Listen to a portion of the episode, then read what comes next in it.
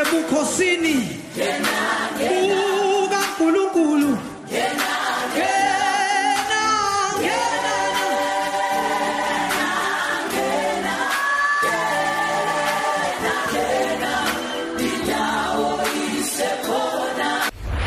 uNkulunkulu nomuntu omusha. Noboniso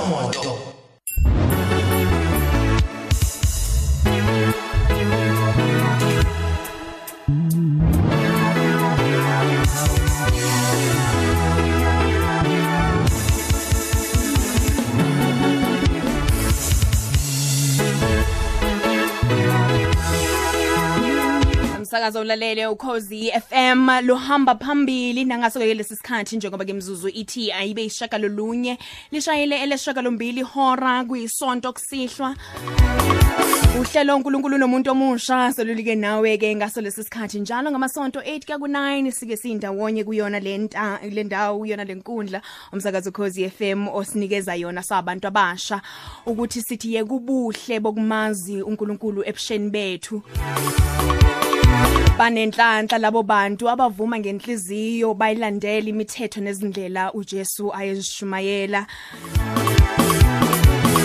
Igama lami uboniswa wakwamoto. Nginawe ke ngasolesi sikhathi kuyoze kuyobumbana ileshaka lolunye ihora. Sibonge kakhulu kuselima thunzi kade ke esiphathele indaba zokubumbana kwehora leshaka lombili nomsindazwe okade ke hlezi nawe ngaphambi kwaloko ekunikeza umculo omnandi kakhulu umculo wejazz. Mina ke nawe asihlale sabantu abasha khona ke nabantu abadala siyayihlale nabo ngalesi sikhathi kodwa sonke sikhuluma into eyodwa indaba yokuthi sifuna ukukhula ebudlelwaneni eh, noNkulunkulu. Ngaba sibasha ngeminyaka noma sibasha ngeinhliziyo kodwa ngalesi sikhathi sike sesindawonye sesithi uNkulunkulu nomuntu omusha. Lolu hlelo ke asilivuli ke njengezinye inhlelo sinohlelo nje oluhlukile lokuvula eh uhlelo uNkulunkulu nomuntu omusha ukuthi sibize uNkulunkulu ukuthi abe kanye nathi ngomkhuleko. Siyasibe nabantu abasha ke abahlukahlukene abaye basivulele ngomkhuleko. Namhlanje ke asike sithole umkhuleko wethu. Baba egameni lika Jesu Christ waseNazaretha sikhuphukela entabeni kaJehova selishonile ilanga. Sisho njengo David uNkulunkulu othongcwele uthi uDavid ngiyakumonga uJehova ngokuba umusa wakhe nesihawu sakhe simile enguna phakade sikhuphukela entabeni kaJehova uNkulunkulu othongcwele noNkulunkulu nomuntu omusha. Sisho njengo Jeremiah uthi uJeremiah ngehlele ezantsi endlini yombumbi ukuba Nkosi ungibumbe. Sisho njalo siyicountry yase South Africa singumzansi uNkulunkulu othongcwele nansi corona ifikile moyo namandla onke. Siyabonga ukuthi uma sehla siza kuwe wona uyasibumba wena usinikeza ithemba usinikeza amandla. uNkulunkulu othongcwele we pray for i- izwe lonke nomhlaba wonke ngoba wena uyapha amandla oyethileyo umqiniso umnikeze ikhwepha. Moya ngcwele we pray for abantu abasha abanye abaretrenchiwe abahlela emakhaya abanye they don't know when is their next meal is going to come from. But we thank you Jesus Christ ukuthi inkosi bonke ababheka kuwe inkosi ubuso bawo bakhanyiso banikezwa ithemba namandla sethembile yona leyo nto ukuthi oqala umsebenzi omuhle. Eyimpilweni zethu uzofeza ngegama lika Jesu Christu waseNazaretha. We give you the praise and the glory in Jesus name. Amen.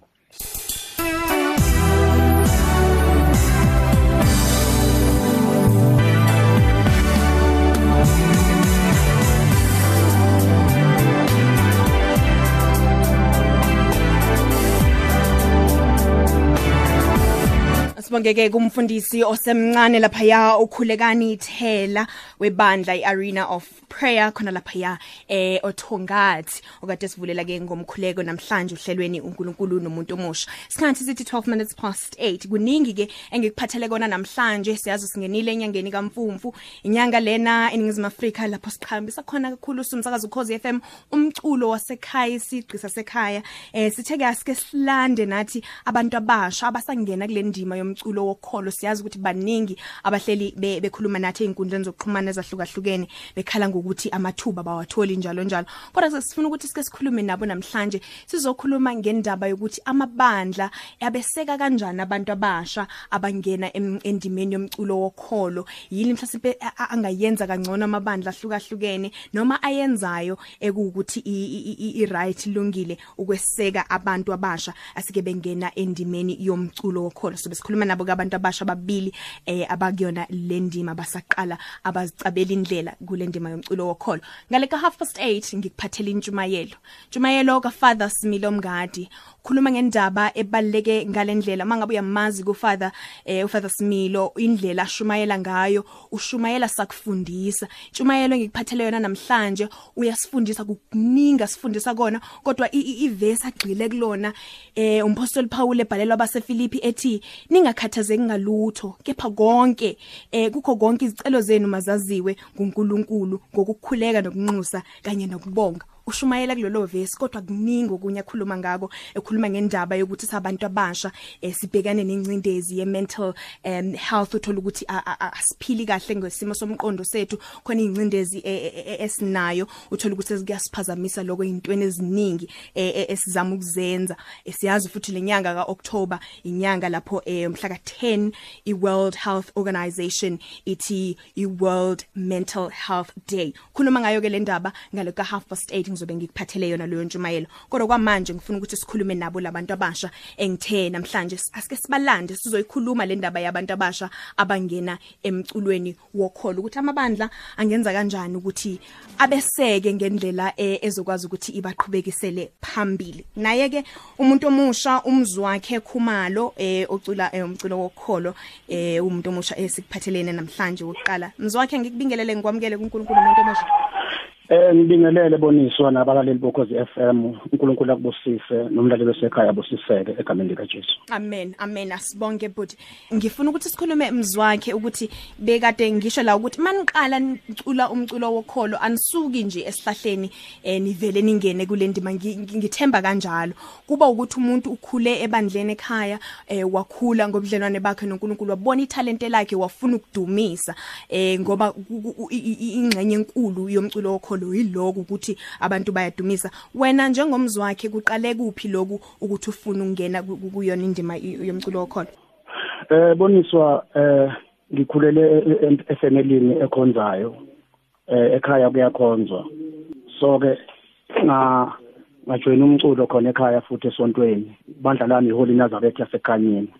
Mina ngibuye eDentalton ngasolundi ngo-19 ngo-2009 ila khona engiqale khona ngangena umusic lo we-gospel ucula oshaya oshayelwa insimbi kodwa ke ngibuya ezayoni mina ekhaya la ngizalwa khona. Mhm mhm eh kukuza kanjani ukuthi uzukhetha ukuthi ufuna ukuthi ube umculi womculo okholo oqophayo? Ngoba ngicabanga mangabe ukhule ekhaya kukhonzwa uyakwazi nje ukuthi udumise enkonzweni niphume bese kube khona okunye okuqhubekayo empilweni yakho. Yebo boniswa eh unento engayithandazelayo uNkulunkulu ukuthi ngicela uMark ngibe noMark eh uma ngithandaza uNkulunkulu angibonisa into efanele ngikhulume ngayo noma ngideliver ebantwini abanye baphile ngayo. Ngathi ngizodeliver ngokuthi ngicule eh ivoice yami iyothinta inhliziyo zabantu abadangele nabantu abagulayo. Bayophila mabe mamela futhi umculo engiwenzayo. Wokholo wokholo engathi sesinaye Sibonelo Zaca Sibonelo uh sikubingelele kukhozi? Ngiyabingelela seswami oboniswa eh ngiphinde ngibingelele nje abalali bomsakazo ukhozi FM Kodwa kantokoza ukuthi sibe nawe namhlanje umuntu omusha eh osendimeni yomculo wokholo. Sibonelo wena ukhule ukhule kuphi ekhaya ukukhonzwa ukhonza kuphi?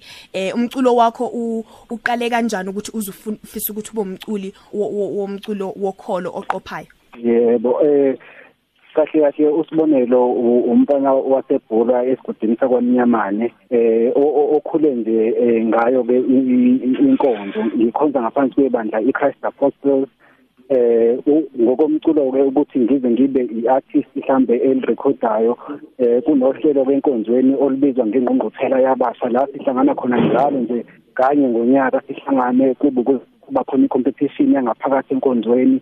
Eh lokho okwangigqugquzela ukuthi eh iphile kumina lento eh yomculo wokholo edasenthani ngibe ngivele ngikholwa. So kwase kwaba ukusuka lapho ukuthi kwazi kwaba khona abazalwane ababona something ukuthi no lo muntu lona uyakudeserve ukuthi eh angene studio but ngaqala lapho ngangena neqembu iStars of God eh lapho ngiqale khona ukurekhoda ngaphansi kwaLindani Gomede ngo 28 ngo 2008 yes 2008 uqala u- u- ungena studio sibonelo ngicabanga ukuthi iminyaka eminingi leyo usuwumuntu omusha ofunayo ukuthi akhule e- e- endimeni yomculo wokholo. Mina ngiqala ukukubona besilapha ku masipala wase eh, NDZ khona ngaphansi kwe kwe Harigwala district municipality eh, wawucula khona. Okusho ukuthi omasipala bangakini njengoba usho ukuthi u- usuke ebhulwa bayakwazi ukuthi bakweseke.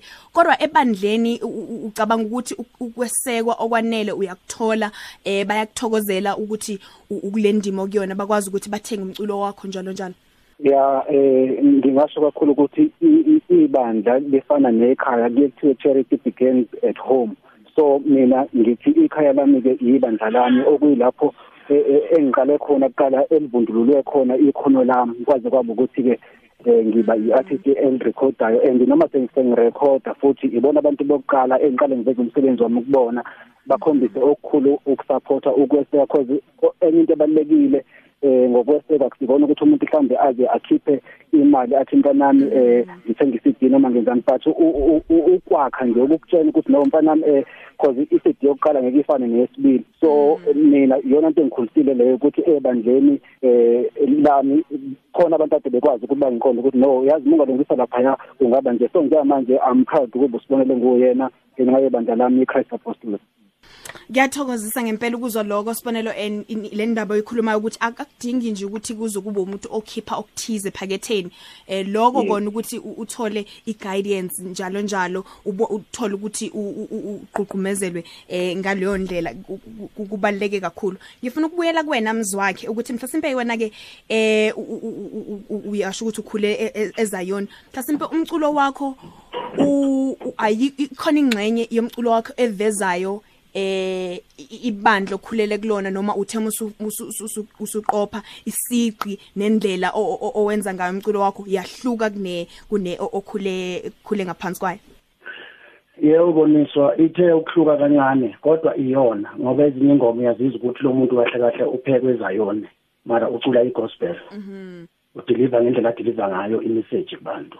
Mhm. U- ukwasekwa wena ke makuza ku- ku- ku- kubanye abantu okhonza nabo eh njengoba ubusibonela kadesha ukuthi eh ab- kuqale kuye kubona kuqala konke akuphekayo e-studio ayobheka ukuthi eh bazokuthokozela yini. Mabe kuthokozela kubo ukuthi ubakhipha ukukhipha ku- kubo bonke abanye abantu ke Eh sine challenge esinayo thina njengabantu baseZion sometimes ngoba mawucula iZion awukhona ukuperforma ngendlela right kwezinye indawo because makwazi ibackground ukuthi wona khonza eZion eh kuba sengathi ungena kwi-platform e-wrong uma ngabe wenza i-gospel. Bona bayangisupporta kakhulu mara ngokwabo bafisa ngabe ngenza iZion kodwa manje ngobizo olukimi iZion ngiyakhona ukuzicula kodwa ubizo lufike 2009 ukuthi awenza umculo manje wegospel ume ube umzwakhe khumalo. That is why ngiyile because kufuneke ngipreache izwi likaNkuluNkulu kubantu ngokwegospel. Eh, beng bengafuna ukuthi ngithole nalapha ya ku social media ngizwe eh ukuthi abantu bathini emabandleni ahlukahlukene. Ngiyacabanga lento okhulunywa umzwakhe ngokuthi eh, u- u- ukhule e- e- e- eZion eh, manje masokuthi indlela a- acula ngayo i- ihlukile kunaleyo abayijwayele kuyaye kube ngathi eh, a- akasahambi ngaleyo lendlela akade bekulindeleke ukuthi ahambe ngayo. Ngiyacabanga ukuthi amabandla amaningi eh a- a- nazo izinto ezifana nalezi. Eh nanokuthi makongabe khona ama events e- ebandleni makhona izinto ezenziwayo bayanikezwa yini abaculi abasakhula ithuba lokuthi babonakalise umsebenzi wabo? Eh ngiyazi mina mangaba silapha ya eKevela eh iminyaka neminyaka kodwa ke kulo 2020 asiyanga khona kodwa kuyaye kube khona abantu ababaculi aba- abas- aba- abasakhula abaculayo ba- babonakalisa umsebenzi wabo kumakholo engicabanga ukuthi into ebalekile kakhulu. Ngiyazi baningi obaba eh abaphethe amabandla abalalela lolu hlelo Ac- ngathemba ukuthi ke abantu abasha bakithi siyabanikeza ithuba abantu abasha abangena emculweni okhona ngoba kuba yikusasa lomculo wokholo waseningizimu Afrika.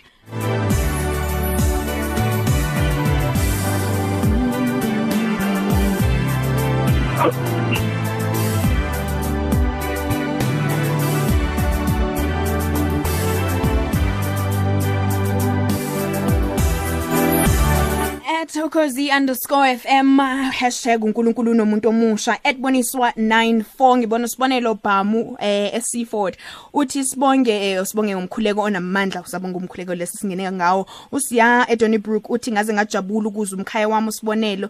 Uthi ayibambe nje eh bese kubo uDJ asiye wabantu. Uthi kwelami ibandla enqabeni ministries eh siyabeseka kakhulu abaculayo. Kunabafowethu abaculayo igospel usibu no Spa uProfet Xaba nebandla lonke nje em siyabeseka oh to Prophet Xaba nebandla lonke lasenqabeni ministries liyabeseka siboniso sibiya emlovu uthi kuyenzeka lokho okushiwo umkhaya lapho kwamanye ama kwamanye amabandla ukuthi abantu besekwe. Eh ubani ke futhi lo omunye ngimbonayo ababanye ababhale kabili ke laba. Eh kodwa engathi ngempela eh indaba yokuthi kuya- uyakwazi ukuthi ulithole u- u- u- uxhaso wesekwe ebandleni eh, iyavela kakhulu lapha ku Twitter ebantwini abangenayo. Mzwakhe nosibonelo ngenxa yesikhathi ngifuna ukuthi sivale. Mhlasimpe mangabanibuka ikakhulukazi wena mzwakhe ngizoqala ngawo ukuthi u- u- u- kweseko ngafisa ukuthi ukuthole eh emabandleni ahlukahlukene na- ne- nasebandleni osuka kulona. Lunga- lungaba njani? Ungafisa ukuthi kube njani eh, leso sithombe lapho ususekwa khona? Nanokuthi ke ube sushiyela eh, imininingwane yakho abantu abafuna uku- ukuthi beze umculo wakho eh nokuthi baxhumane nawe. Yebo Boniso ngibonga kakhulu ukhozi FM ukusinikeza leli thuba leli enjengaleli Nkosi yami ngibonga kakhulu nakubalaleli. Eh ngicabanga ukuthi amakholo ayezwa bayezwa abazalwane bathe Holy Nazareth yasekhanyeni eh yonkana ukuthi kumele ngisupportwe kuqala la engiphuma khona enkonzweni before lento isabalala ngaphandle. So ngicabanga ukuthi umculo wokholo usabala kuzo zonke indawo ebhedlela uyangena emajele uyangena emakhaya. Mawufuna umsebenzi uyangena ngoba usukufanele kube nento eshoyo ukuthi ngiyofuna umsebenzi futhi ube nengoma ekube ngaphakathi uNkulunkulu asebenze ukuze lapho uhamba khona zivuleke indlela zakho. So umculo wami ukhona ikhona album engirelease mhla ka25 eh last month no September 25 na Facebook ngikhona mzwakhe khumalo uzoyithola ngidownload uyafika ku Spotify njengamanje ungayithola futhi. And then I'm sure next week izobe sisabala zonke indawo eh isihloko sakho sithi wahazulwa eh iyashisa kakhulu lo album ngicela ke umzansi wonke ungisupport ebandla nangiza ngiyazithoba kumzansi egameni lika Jesu amen. Ngiyithandile nami ngizwile em em, mzwakhe eh uthe itholakala ku Spotify wahazulwa. Ya Spotify and the music app eh kumadiza kanjalo. Futhi nje na ku Spotify angakhona ukuyibona ngisho manje even manje. Manje ngena ku Facebook athi mzwakhe khumalo uzoyibona futhi khona manje ngoma ikhona Sibonga kakhulu futhi sikufisela yonke inhlanhla emsebenzini omuhle wenzayo qhubeke nje ushumayela ivangeli likaNkuluNkulu ngomculo wakho. Amen. Amen. Alright umzwakhe khumalo ke lo umunye wabantu abasha kade sinabo namhlanje. Eh sikhuluma ngendaba yokwesekwa kwabaculi abasakhula abam- abaculi bomculo wokholo emabandleni njengoba sabantu abasha. Siyahlanganyele la sizokhuluma ngezihloko ezisithintayo. Sibonelo eh ng- eh, ngize kuwena wena elakho lokugcina ukubonga ngiyacabanga wena ngoba ukhulume kakhulu ngokuthi us- u- ukweseka uyakuthola okwanele. Ukubonga nje eh, ebandleni nanokuthi abantu abafuna ukuthi bathole umculo wakho bawuthola kanjani. Oh yebo. Ngicela ukuqala nje ngibonge kakhulu emsakazweni ukhoze FM eh ngeplatform enisinike yona. Eh bese ke ngifisa ukubonga ibandla lami ngakho konke. Ngifisa futhi ukuthi engathi lingaqhubeka linga lingadinwa eh libekezele liqhubeke nje lis- lingithande njengoba lingithanda. Eh yazi ukuthi akubona abantu bebandla kuphela abangisupportayo baningi abantu abangisupportayo ngiyabathanda futhi kakhulu. Eh enkundleni zokuxhumanayo ngiyatholakala ku Facebook ngusibonelo ngizofunda ukwehla zaca. Kwazise kuneculo elimnandi kakhulu elithi ngizofunda ukwehla kune music video walo ku YouTube kanti umculo wami uyatholakala on all digital platforms. Eh ngicela ukushiya nje mhlambe inamba yami mhlambe ozofisa ukuxhumana nami eh kwinamba ethi 079 823 5061 079 823 5061 ngiyabonga kakhulu. Alright siyabonga nawe kuwena futhi sibonelo sikufisela yonke inhlanhla. Sengathi uNkulunkulu angaqhubeka nje akubusise njalo. Eh siyabonga. Amen. Alright usibonelo eh zaca ke loyo eh, usuka le ebhulwa. Bakithi ke ngiyabona abantu abangena la ku social media bakhuluma ukuthi umkhaya wabo. Eh bekade sikhuluma naye ke namhlanje naye omuntu omusha onomculo eh owumculo owumculi wokholo osakhula eh kuyona ke indima yomculo wokholo. uNkulunkulu nomuntu omusha. Yobonisa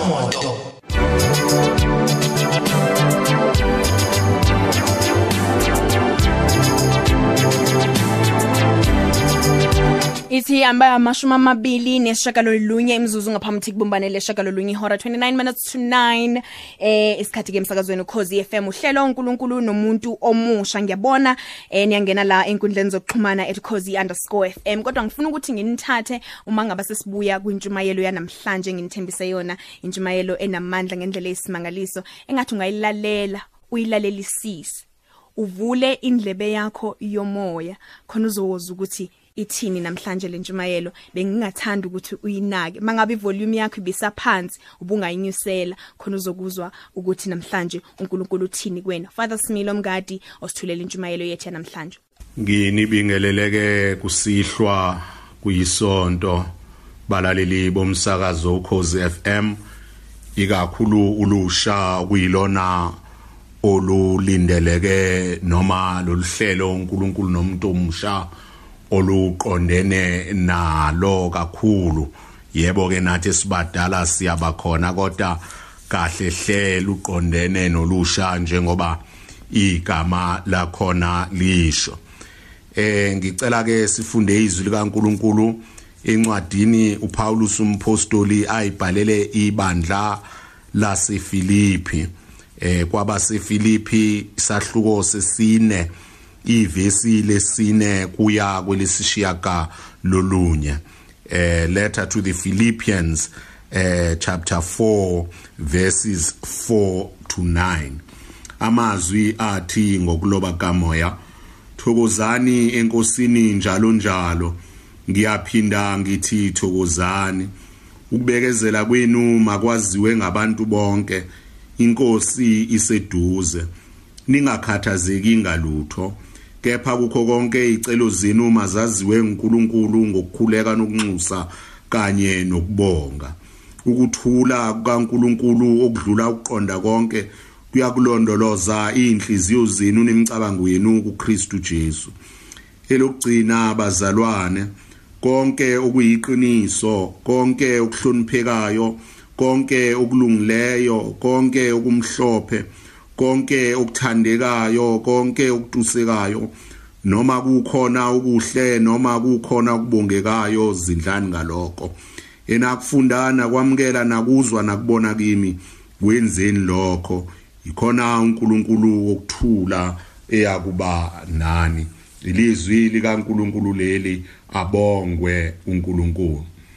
Paulus ke umpostoli lapha ubhalela ibandla elisefilipi okwakuyinhloko dolobha yesifundazwe saseMakedonia ezweni lamaGreki kodwa ngalesikhathi ayebuswa ngamaRoma under Roman occupation.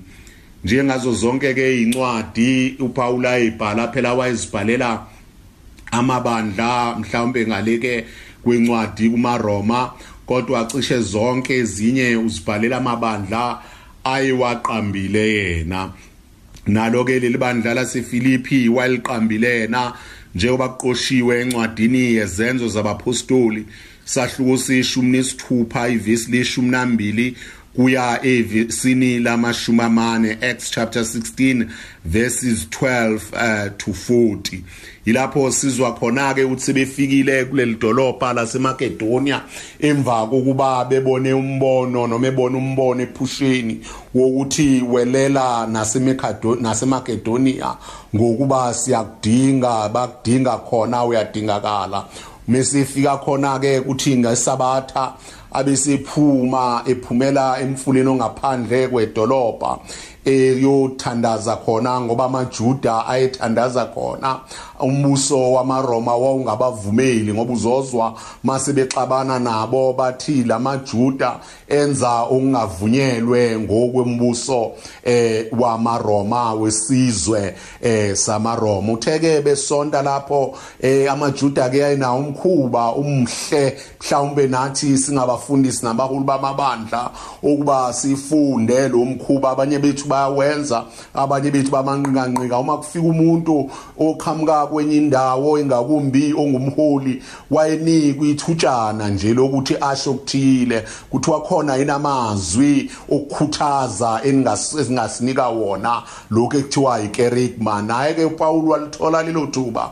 Cheme ekhuluma khona owesifazane okuthiwa nguLydia wathatheka kakhulu ngenkulumo yakhe wabe sevuma ubhabhatiswa khumbula ke uthi uPauli ushumayela ukuthi lokho bekuthenjisiwe eh ngo eTestamentini elidala kuphelelisiwe kuKristu Jesu. Abakuvumayo ke lokho bayabhabhatiswa kwa umbhabhatiso oqala ke ezweni noma ezwekazini eh in the continent of Europe kwenzeka lapho kwabhabhatiswa yena uLydia loyo nabanye besifazana ababenaye. Ngoba ke kwakungwesifazane onothile eh, eh dayisa izingubo ezibende wathi ke ehlaleni kwabo lapha ePhilip laseMacedonia eh, eh abahlale kwakhe bahlala kwakhe ke uthe ngelinye isabatha bephuma futhi beya lapho enkonzweni kwaqhamuka intombazane. Le ntombazane ke kuthiwa eh, eh ngehumusho lethu lesizulu eh yayinomoya ubungoma ngiyathemba leli humusho elizophuma lizawuyilungisa lento ngoba amanye amahumusho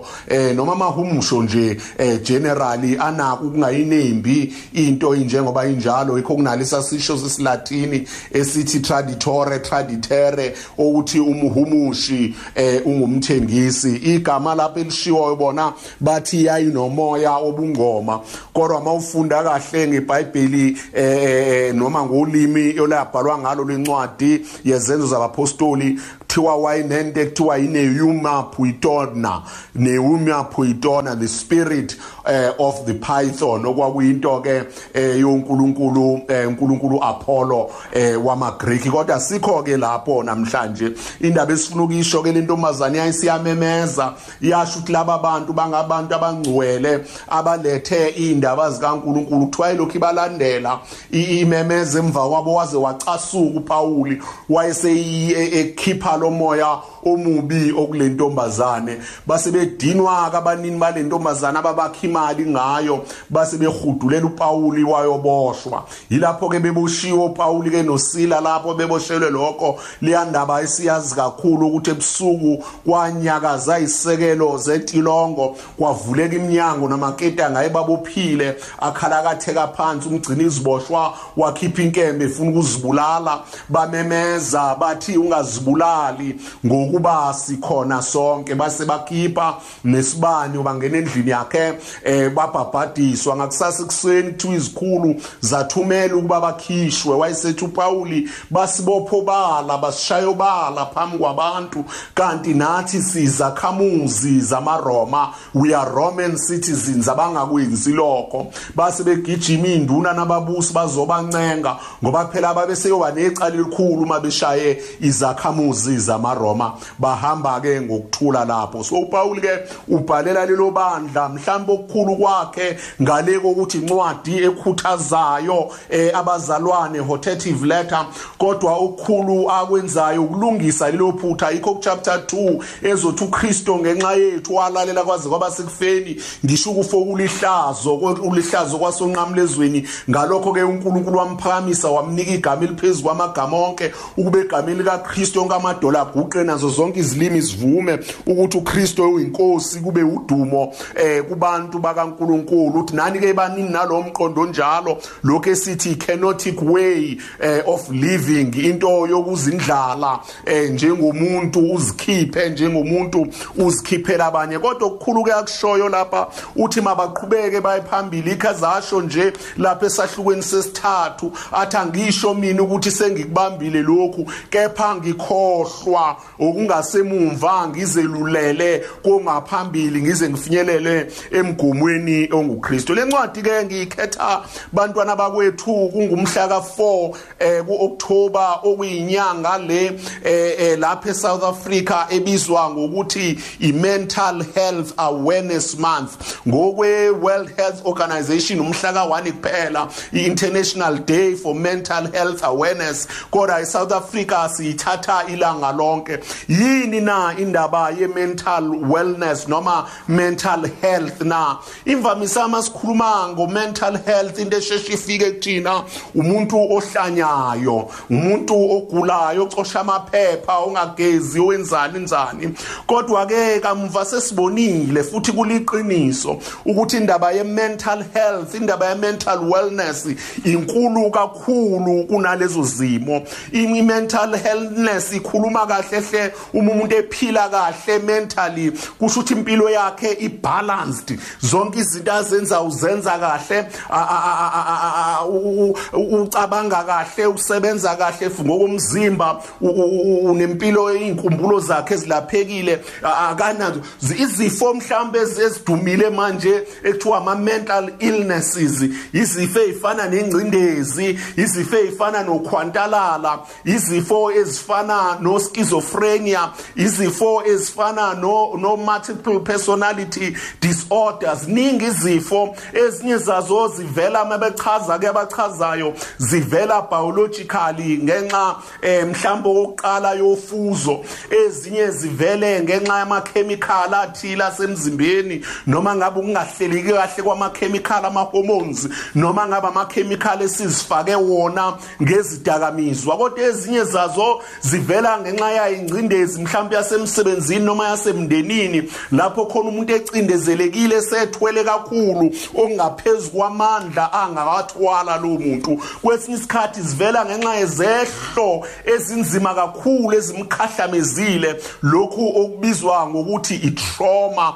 efikile empilweni yakhe. So izifo ke lezi izifo eziphazamisa impilo le ebizwa nge-mental illness. Manje ke uPaul ke uthi okokuqala into ayishoyo thokozani ngiyabuya ngithi thokozani. Uyiphinda kathathu le ndaba kule ncwadi kwaba kwabasefilipi uyayisho ka chapter 2 verse 18 ayisho futhi ka chapter 3 verse 1 abesezoyisho la sifunde khona ke ka chapter 4 verse 4 uthi thokozani rejoice. I rejoice ke afana no happiness akona into ezenzekelelayo akuyona into ethuka yenzeka noma i reaction yezinto ezenzekayo kodwa isinqumo umuntu asithathayo sokuthi ngiyakuthokoza uma ungangikholwa hamba uyofunda encwadini kaHabakuki isahluko sayo sokugcina amavesi akhona okugcina kunamazwi athi lapho noma ngabe kungasekho lutho ensimini noma ngabe isibaya isibaya sesingenalutho sekungasekho silwane kepha mina ngiyakuthokoza ngoNkulunkulu umsindisi wami ukutokozo noma ukuthokoza kuyisinqumo umuntu asithathayo. So uPaul ngamanye amazwi uthi kulaba bantu thathani isinqumo sentokozo decide to rejoice decide to be happy. Into yokuqala ebalekile leyo masoqondana silwe kakhulu nalezi zifo ekuthiwa ama mental illnesses noma soba ne mental health siphile kahle.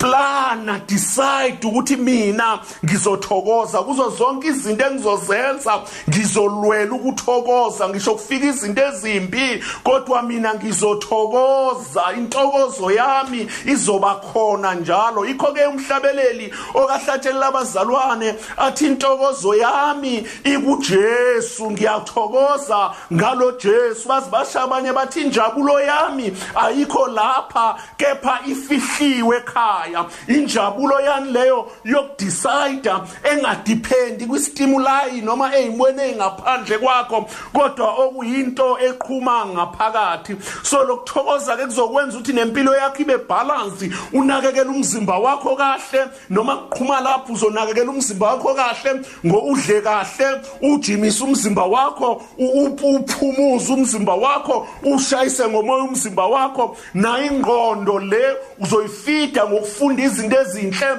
ungagcini nje ngokubuka ama TV nokushaya ama social network kuphela kodwa ufunda izincwadi ezijulile ezizofida ingqondo yakho icabanga isebenze. Uzoyisebenzela futhi psychologically ngokwemizwa yakho ungavumeli ukuthi imizwa ikulawule kodwa kube nguwe ozolamu ozolawula imizwa. Uzoyisebenzela futhi ngempilo yezokomoya. You'll feed your soul. Umoya wakho ufeed ngide ngisazobuye ngibuyele lapho eh, endabeni yokomoya ukuthi ufidwa eh kanjani umoya ngisho socially uzophilisana kahle nabanye abantu uzokhetha uphilisana kahle nabanye abantu kodwa ke enye indaba enkulu ke ukuthi eh, eh, impilo eh, eh, eh, eh, eh, eh, mental wellness ivela ngaloko esithi altruism bantu abasha lokhu ukhetha ukuthi yazi ukuthini uba nentokozo mawusebenzela abanye abantu azathi uJesu luphi uthando oludlula ukuba umuntu ayinikele ngokuphila kwakhe ngenxa yabazalwane bakhe. Yilela kube ngilishilo ke ekuqaleni wathi asibe nalo mqondo kaKristo owazidela nyawo athabatha isimo senceku ngenxa yabanye abantu altruism ukwenza izinto zabanye abantu. Hayi ngoba uphoqelekile ukubenzela. When you freely choose to do things for abanye abantu uba nokuthokoza uma ushintsha uguqula impilo zabanye abantu uma ne impact kwabanye abantu uba nentokozo e- enga- engeke uyiphucwe umuntu ungakwenzela ukudunyiswa ungakwenzela ukuzuza okuthile ungakwenzeli ngisho ukuhola yikho ukuvolontiya nje kuyinto esizayo yikho ukusebenza kuma charity kuyinto esizayo yikho ukuhamba uyosiza abantu abagulayo nabanjani kuyinto ekwenza ube nokuthokoza nokwaneliseka ngaphakathi. Bese uyabalekelana nexhala. You need to avoid eh, eh, eh, eh, eh, i-anxiety yikho ke sethini na esethi ke nikhuleke ningakhathazeki ngalutho. Kepha iy'celo zenu zaziwe unkulunkulu baliyingxenye ey'ntathu ke uthi ukukhuleka nokunxusa nokubonga. Ake ngikuphi ithiphu nje encane umuntu omusho ongilalele engayifundiswa kwenye indawo?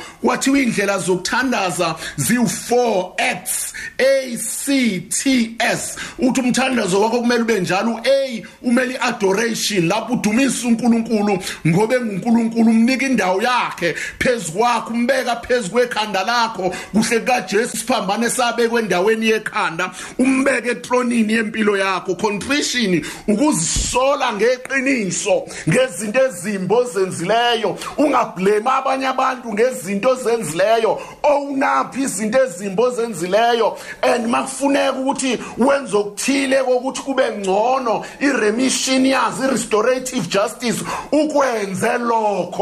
Ngoba lokho kuzokunika ukuthokoza. Bese kuba uthiyo kumele u-thanksgiving ukubonga bonga bonga njengenyoni yenhle mhlabelela ubonge kuNkulunkulu. Bese kuba wesitha wesine kuba isupplication ucela ke manje lezi zinto ozidingayo empilweni. In that order dumisa sweleza uxolise ubonge bese uyacela. Usethini ke zindlani ngalezi zinto. Zindlani ukuzindla ke bantwana basekhaya? Bantu abasha kubiza ukuba ube nesikhathi sokuthula. Kuyadingeka isikhathi sokuthula empilweni yakho. Njalo ngosuku even ama psychologist ayasuggest ukuthi at least 15 minutes shut off uvale zonke izinto uvale ifoni uvale yonke into uvale wonke umsindo ube sekuthuleni. Lokho kwenza ube ne mental health efunekayo. Bese uyameditate ukumeditate ukwenzana ukuzindla lokho akubiza ngokuzindla ukuthatha into ethile bese uyibeka phambi kwakho uzindle ngayo. Uyazi ku- kwenza nokuthi umqondo wakho usabalale ngaleyo nto. Khona into esasiyifunde esikoleni kwakuthiwa i-mind map lapho khona usabalala ngento. Uma uthuli uzindla ngento eyodwa sithi nje mhlawumbe uzuzindla ngothando. Uthathe 20 minutes nje uthule ucabanga ngothando. Uyakwazi ukulidweba ulidwebe. Uthi uma uqeda ubhale kwijournal yakho kodwa uma kuqhamuka umuntu ethi uyakuthanda bese uyobheka kujournal yakho ukuthi iyahambisana yini le nto. Mhlawumbe ungazindli ke ngaloko kuphela. Thina ngoba singabakholwa uyozindla nangezwi likaNkuluNkulu njengothando njengilinganisa ngalo usuzindlile ngalo wena bese uyofunda yena incwadi kaPaulus umpostoli achaza ngalo uthando laphaya encwadini yokuqala ibhalela abaseKorinte isahluko 13 kusuka kuverse 4 wakhona bese ukwazi ukungena othandweni oluyilo bese ukwazi ukulibalekela uthando olingeyilo nothando oluzokulimaza. Okugcina ke bantwana basekhaya uthini uPauli uthena kufunda nakwamukela nakuzwa nakubona kimi kwenzeni lokho? uNkulunkulu okuthula uyoba nani? Ukuba nama mentors ube nabantu asebehamba phambili. Isizulu sishilo sathi indlela ibuzwa kwabaphambili. Khona esinye isakhe engike ngasifunda angaze sakuliphizwe khona lapha eAfrika. Sithi abantu abasha banejubane kodwa abantu abadala abayazi indlela indlela ibuzwa kwabaphambili bukuthola umuntu ozoba imento yakho umuntu osela ufisa ukufisele ufinyelela khona. Kodwa uqaphele ungakhe angakhethi umuntu onomona ozofuna njalo isicashalala nomkhovu wakhe. Kodwa umuntu ozofuna njengomzali angazi umzali uyamazi umzali ufisa uba umntwana wakhe abe ngcono kunaye. Uma umzali agcina ka-matric ufuna umntwana wakhe abe ne-degree. Uma agcina yena kwi-degree ufuna abe ne-masters njalo njalo. Ngiyalinganisa ngalokho kodwa umzali ufuna umntwana wakhe abe nganazinto engaphezu kwakhe. Na uthola imento uthi manenze konke-ke lokhu masenze konke lokhu. Unkulunkulu okuthula uyawusipha ukuthula ukuthula okudlula ukuqonda konke. Siphepheke kuzo zonke ley'ngcindezi nako konke lokugula. Ukuthi noma kufika kodwa sikwazi ukudila nako siphile kangcono. Unkulunkulu anibusisa anilondoloze abhekise ubuso bakhe ngakunina nihawukele anivezele amehla aneme aniphe ukuthula. Ukuthula kankulunkulu okudlula ukuqonda konke. Makuphumule enhliziyweni zenu. Kunikhulise kumazini unkulunkulu. Benendodana yakhe inkosi yethu ujesu kristu. Anihlahlamelise unkulunkulu somandla uyise benendodana nomoya ocwebileyo. Amen. Adunyise ujesu kristu kuze kube phakade. Amen. Nilale kahle. Sibonke kakhulu. Kufather uSmilo Mngadi nentshumayelo yanamhlanje.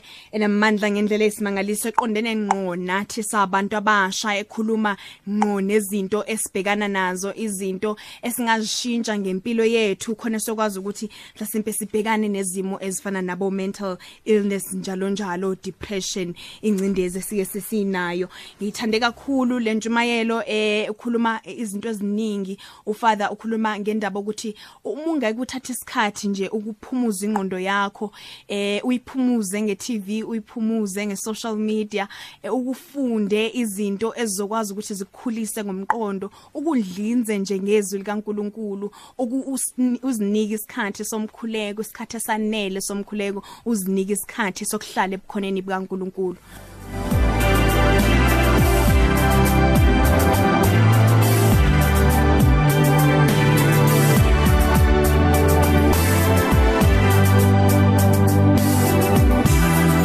Siyabonga ke uFather Smilo webandla lamakatholika kade ke esithulela intshumayelo. Ngiyabona baningi abangena lapha ku social media bakhuluma ngayo intshumayelo yethu. Ngizonithatha njena lapha ku 0891 10 1040 thatha babili abathathu ngaphambi ukuthi sivala uhlelo lwethu namhlanje.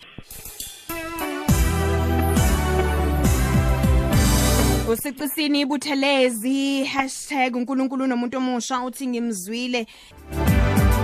Uthi ngimzwile umfundisi eh yazi yanamandla intshumayelo yanamhlanje uthi uh, aphinda athi abantu abasha banejubane kodwa abadala banolwazi. Ingakho ke indlela ibuzwa kwabaphambili nomvula deli emkhombothini uthi uh, hey awungaze ngaze ngajabulela intshumayelo yanamhlanje uthi zindlani ngezwi likaNkuluNkulu? Ngabe siyazindla yini na sabantu abasha? Uthi siyabonga kakhulu ngentshumayelo enamandla. Siboniso sibiya emlovu uthi washumayela ubaba eh, uthi ngimzwile mina #unkulunkulu nomuntu omusha. Noma kufika izimo ezinzima ngothokoza ngiyayithanda leyo. Usho kanjalo ke ulindani ihlongwane esandlwana because isawubona Aw amen boniswa. Amen hlekelele ninjani Ah futhi ungazubuza khona ongakubuza.